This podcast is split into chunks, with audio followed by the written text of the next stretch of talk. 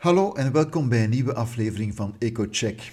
In de vorige aflevering bespraken we wat het economisch effect zou zijn van een mogelijk embargo op Russische energie. Intussen publiceerden de grote Duitse onderzoeksinstituten een studie die onze analyse grotendeels bevestigt. U kan de podcast overigens nog altijd beluisteren. In deze aflevering gaan we het hebben over nieuwe problemen in de globale toeleveringsketen. Mijn naam is Peter van den Houten en ik ben hoofdeconoom bij ING België. De pandemie en de daarmee gepaardgaande lockdowns zorgden niet alleen voor een sterke terugval van de vraag naar goederen en diensten, ook het aanbod brandde op een lager pitje, want heel wat bedrijven lagen stil of moesten door een gebrek aan arbeidskrachten noodgedwongen aan een lager tempo produceren. Toen dankzij de vaccinatiecampagne de economie geleidelijk weer op gang kwam, kon het aanbod niet onmiddellijk volgen. Bovendien kampte men in bepaalde delen van de wereld nog altijd met COVID, waardoor noodzakelijke onderdelen die vandaar worden aangeleverd niet tot bij ons geraakten. Denk maar aan de schaarste aan microprocessoren die een grote rem zetten op de productie in onder andere de auto-industrie. Dit zorgde ervoor dat het herstel in bepaalde landen iets minder sterk uitviel en het veroorzaakte tegelijkertijd ook een opwaartse druk op de prijzen.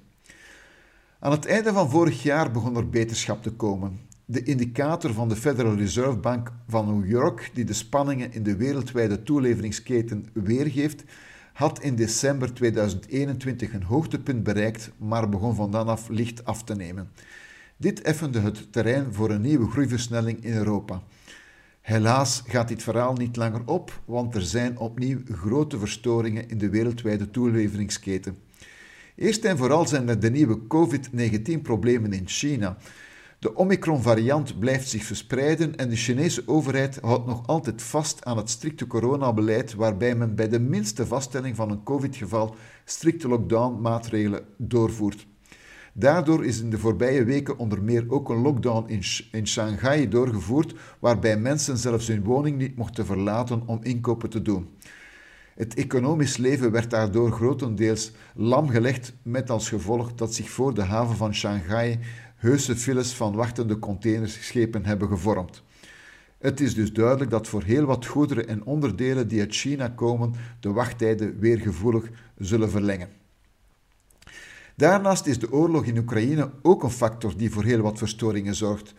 Rusland en Oekraïne zijn natuurlijk grote producenten van landbouwproducten, maar ook voor de industrie zijn ze soms cruciale toeleveranciers. Zo komt bijvoorbeeld 70% van het hoogwaardig neongas dat gebruikt wordt bij de fabricatie van semiconductoren uit Oekraïne.